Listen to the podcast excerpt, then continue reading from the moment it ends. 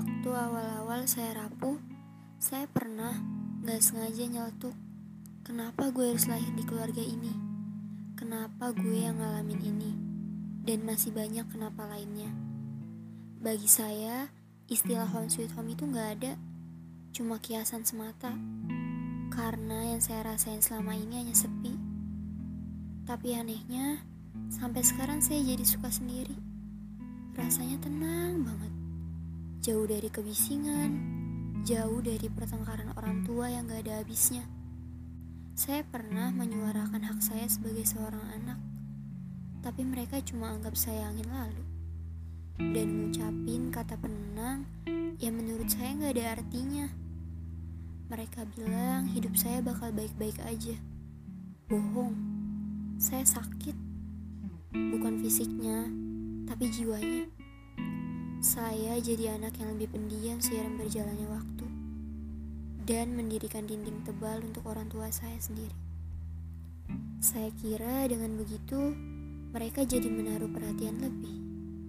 Gak juga ternyata.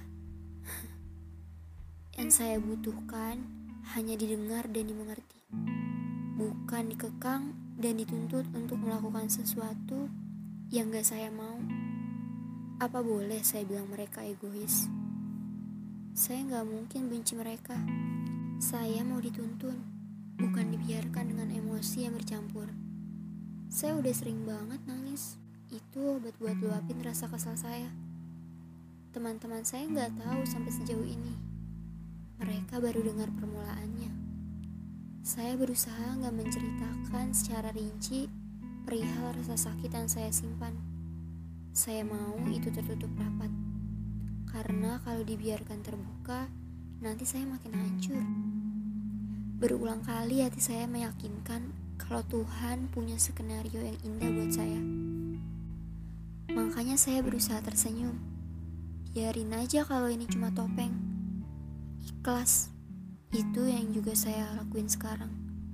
Saya nggak mau berperang pikiran sama batin lagi. Rasa capek saya udah di ambang batas. Tuhan gak akan ngasih ujian ini kalau saya gak mampu.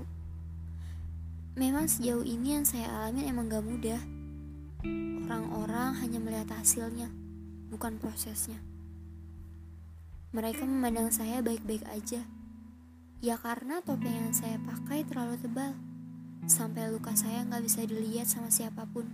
Setidaknya yang terjadi sama saya sampai detik ini ada pelajaran yang bisa saya petik. Saya jadi lebih dewasa dibanding teman sebaya saya. Itu yang saya syukuri. Saya mau kasih tahu kamu satu rahasia yang saya pendam.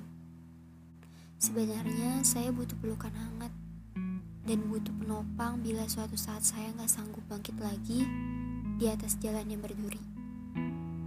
Teman saya memang banyak, banyak yang peduli dan banyak yang sok peduli.